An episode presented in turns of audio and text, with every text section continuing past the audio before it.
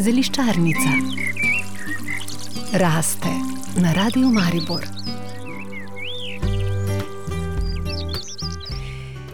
Danes bomo govorili o rastlini, ki jo pravzaprav težko spregledamo, ampak je spregledana med zdravilnimi rastlinami. O lučniku bomo rekli nekaj besed, Sanja Lončar, urednica spletnega središča za zdravje Pikanet. Sanja, pozdravljeni. Lep pozdrav. Poznamo veliko cvetni, navadni in drobno cvetni lučnik, o katerem bova mi dve No, o vseh treh dejansko so si enakovredni. To, kar je pri velecvetnem lažje nabrati cvetove, pri drobnem cvetnem pa odtehta koncentracija zdravilnih moči, ki je v njem. Tako da splača se pomatrati tudi z drobno cvetnim, ker res to, da ustraja in preživlja na izjemno težkih tleh, pove, da je zelo sposoben preživeti, da zna zadržati vlago v svojih tkivih in ravno s tem nam lahko zelo pomaga. In eh, zakaj ga ni dobro spregledati, kaj nam lahko lučnik da? Ob slezenovcih, ki so zelo dragoceni viri sluzi, eh, je lučnik prvi, takoj ob njih, zelo, zelo dragocen vir zdravilnih sluzi po eni strani. In saponinov, ki mehčajo sluz, čistijo kater, torej lajšajo kašelj, pomagajo pri bronhih, torej vse tisto, kar ravno v tem času utegne biti zelo potrebno. Torej, ko virusi razvijajo svoje sposobnosti, da se vse hitreje oprejemajo naših sluznic, moramo tudi mi razširiti eh, svoj asortiment obrambe. In lučnik tle omogoča, da sluznice zelo dobro zavarujemo, s še eno vrstjo zdravilnih sluzi, ki je ob tem tudi uh, polna svetlobe in sonca, zato tudi od tod to ime. Res kot ene baklje, kot en nosilc luči je ta rastlina. Včasih so celo stebla prepojili smolo ali voskom in jih uporabljali kot bakle. Torej, na vsak način ta rastlina ponuja veliko svetlobe v teh temačnih časih. Ja, tudi lekarnari dodajajo lučnik prsnim čajem in zato je prav, da se pripravimo na zimo, ko bodo virusi na velikem pohodu. Kdaj nabiramo in kako nabiramo lučnik?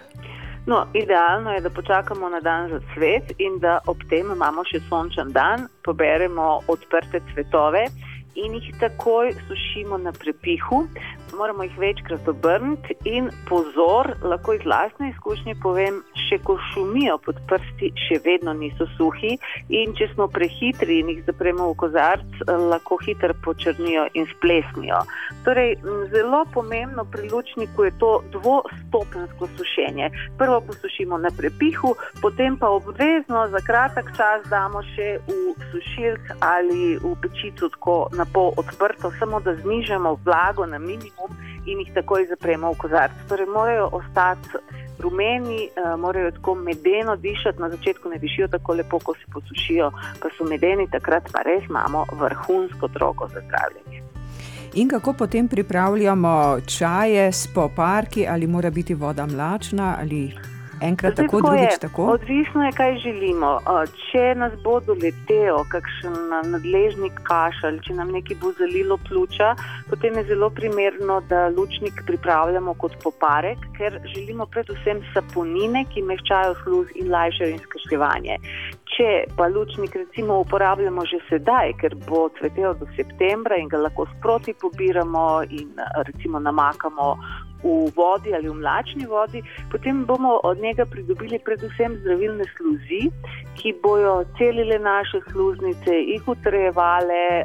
Deluje seveda ne le na sluznice dihal, z njim lahko celimo tudi prebavne sluznice, pomagamo si pri hemoroidih, tudi težave na koži zelo lepo odpravljamo s temi zdravilnimi sluzmi kakšno namakanje nog, namesto da smo na morju, z vsemi pogoji, lahko doma nekaj lučnika uporabimo, tudi da so recimo naše sedežne kopeli ali kopeli za noge še bolj učinkovite.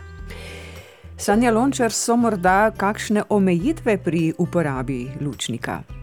No, ravno pri lučniku je značilno to, da ni stranskih eh, učinkov in tudi rastlino ne moremo zamešati s kakšno podobno strupeno rastlino. Torej, tle nam lahko celo Google pomaga, poglejmo, kako izgleda in poiščimo ga čim prej in začnimo prijateljevati s to čudovito rastlino. Hvala za tokrat, Sanja Lončar, in eh, uživajte v poletju. Dobrodošli spet čez teden dni. Hvala lepa, enako. Zeliščarnica raste na Radiu Maribor.